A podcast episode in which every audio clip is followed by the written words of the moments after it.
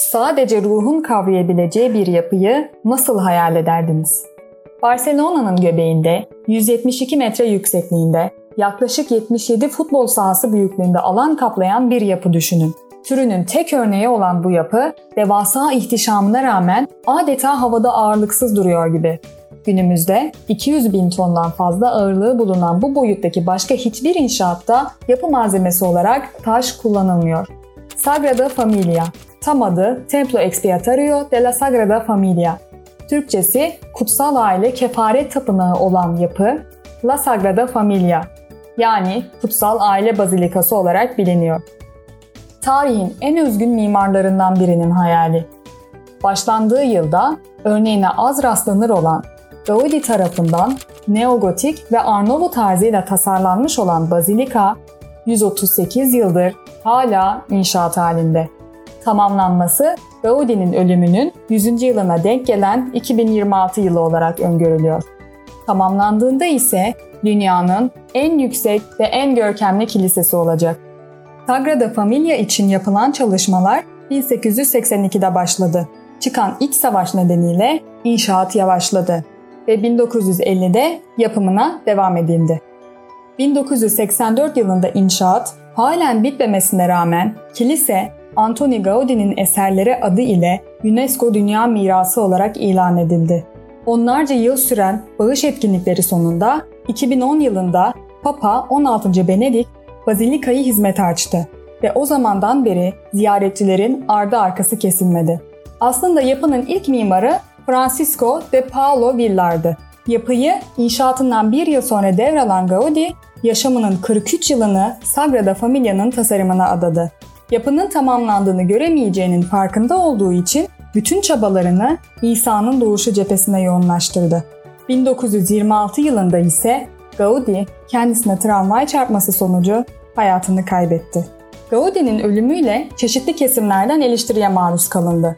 Salvador Dali, projeyi sanatçısı olmadan devam ettirmeyi düşünmek bile ihanettir. Bırakın kentin ortasında çürüyen bir diş gibi kalsın, dedi. Tahminler üzerinden yürüyen tamamlama projesinin destekçilerine karşılık yapının mimari üslup ve tasarım anlamında çok şey yitirdiğini savunanlar da oldu. Örneğin Gaudi'nin kilisede taş kullanma arzusuna karşılık tamamlama projesinde betonun kullanılması mimarın fikirlerine saygısızlık olarak yorumlandı.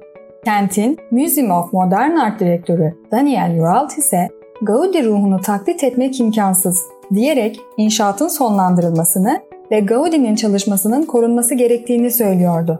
Buna karşılık bir mimari yapıya resim muamelesi yapılamayacağı mimarı kutsallaştırmak için değil ama projeye saygı göstermek için kilisenin tamamlanması gerektiğini savunanlar da oldu. Kilisenin bu kadar uzun sürmesindeki en önemli etken tabii ki Gaudi mimarisi. Yapının tamamlanması için kurulan ekibin baş mimarı Mark Burry bu yapıyı tanımlarken kentin içinde devasa bir heykel olarak tanımlıyor.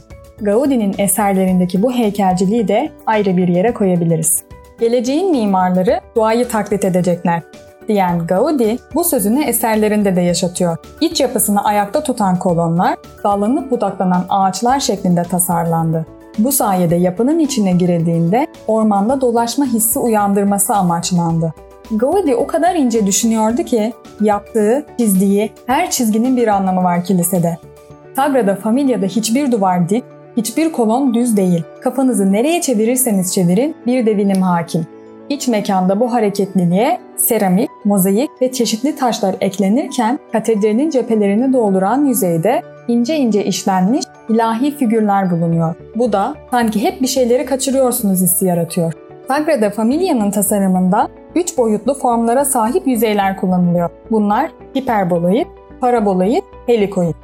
Bu basit şekiller sayesinde detaylı bilgiler eksik olmasına rağmen çalışmalar devam ettirilebiliyor. Bu karmaşık şekiller daha ince ve daha sağlam bir taşıyıcının oluşmasını sağlamakla birlikte kilisenin akustik ve ışık kalitesini de bir hayli arttırıyor. Bazilikanın cephelerinde bulunan vitray camlar güneş ışığının yön değiştirmesiyle birlikte içeride günün her saatinde farklı bir ambiyans yaratıyor. Gaudi istediği tasarımı tam olarak anlatabilmek için 3 boyutlu modelcilere başvurdu. Alçı maketler kullanıldı. Ortada 45 metre yükselen nefin bile 1 bölü 10 maketini yaptırdı. Yani yaklaşık 5 metre yüksekliğinde ve 2 metre genişliğinde bir maket. Çıkan iç savaşta maketlerde zarar gördü. Bu da şu problemi beraberinde getirdi. Gaudi'nin aslında ne istediğini tam olarak bilememek.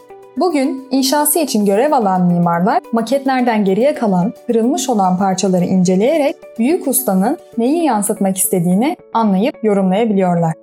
Kilise üç farklı cephe olarak tasarlandı. Doğuda İsa'nın doğumuna adanan doğum cephesi, batıda İsa'nın çarmıha gerilişini simgeleyen tutku cephesi ve güneyde ise inşaatı henüz tamamlanmamış ihtişam cephesi bulunuyor. Bazilika'da yapımına başlanan ilk cephe doğum cephesi. İnşaatını birebir Gaudi'nin kontrol ettiği ve İsa'nın doğumuna referans veren birçok detayı barındıran bu cephe 1894-1930 yılları arasında tamamlandı. Tutku cephesi ise ilk cephedeki dekoratif yoğunluğa karşılık oldukça sade bir tasarıma sahip. İsa'nın tutkusuna, karmaha girilişinde çektiği acıya atıfta bulunan bu cephenin inşaatı ise 1954'te başladı. En büyük ve en etkili cephe olan İhtişam Cephesi'nin yapımı ise 2002'de başladı. İsa'nın kutsal görkemine ve insanlığın Tanrı'ya yükselişine referans veren öğelerle dolu bu cephe için Gaudi'nin ölmeden önce hazırlattığı bir modelden faydalanılıyor. Devasa bir karınca yuvasına benzeyen bu yapının şekli sahilde yapılan kumdan kaleleri andırıyor. Sagrada Familia'nın toplam 18 adet çan kulesi bulunuyor. Bunların 12 tanesi İsa'nın 12 havarisini simgelemektedir. 4 çan kulesi ise İsa'nın etrafındaki 4 adet İncil yazarını, geriye kalan en büyük kule ise İsa'yı simgeler. Bu kulelerden en uzunu olan Hazreti İsa Kulesi tamamlanınca 172 metre yüksekliğine ulaşacak. En büyük kuleden biraz küçük olan ikinci büyük kule ise Meryem'i simgeler. Kulelerin üzerinde birçok şekiller ve semboller vardır. Bu şekil ve resimlerle İsa'nın doğumu, yaşamı ve çilesi anlatılmaktadır. Gaudi, bahsettiğimiz bu dev kulelerin Barcelona'ya gelecek olan turistler için mükemmel bir karşılama olacağını belirtmiş. Kulelerin tepesinde bulunan muhteşem süslemelerin cennet ile yeryüzü arasında bir bağlantı sağlarmış gibi göründüğünü de ifade etmiştir. İnanılmaz detay barındıran yapının ince ince, ilmek ilmek işlenerek yapımına devam ediliyor.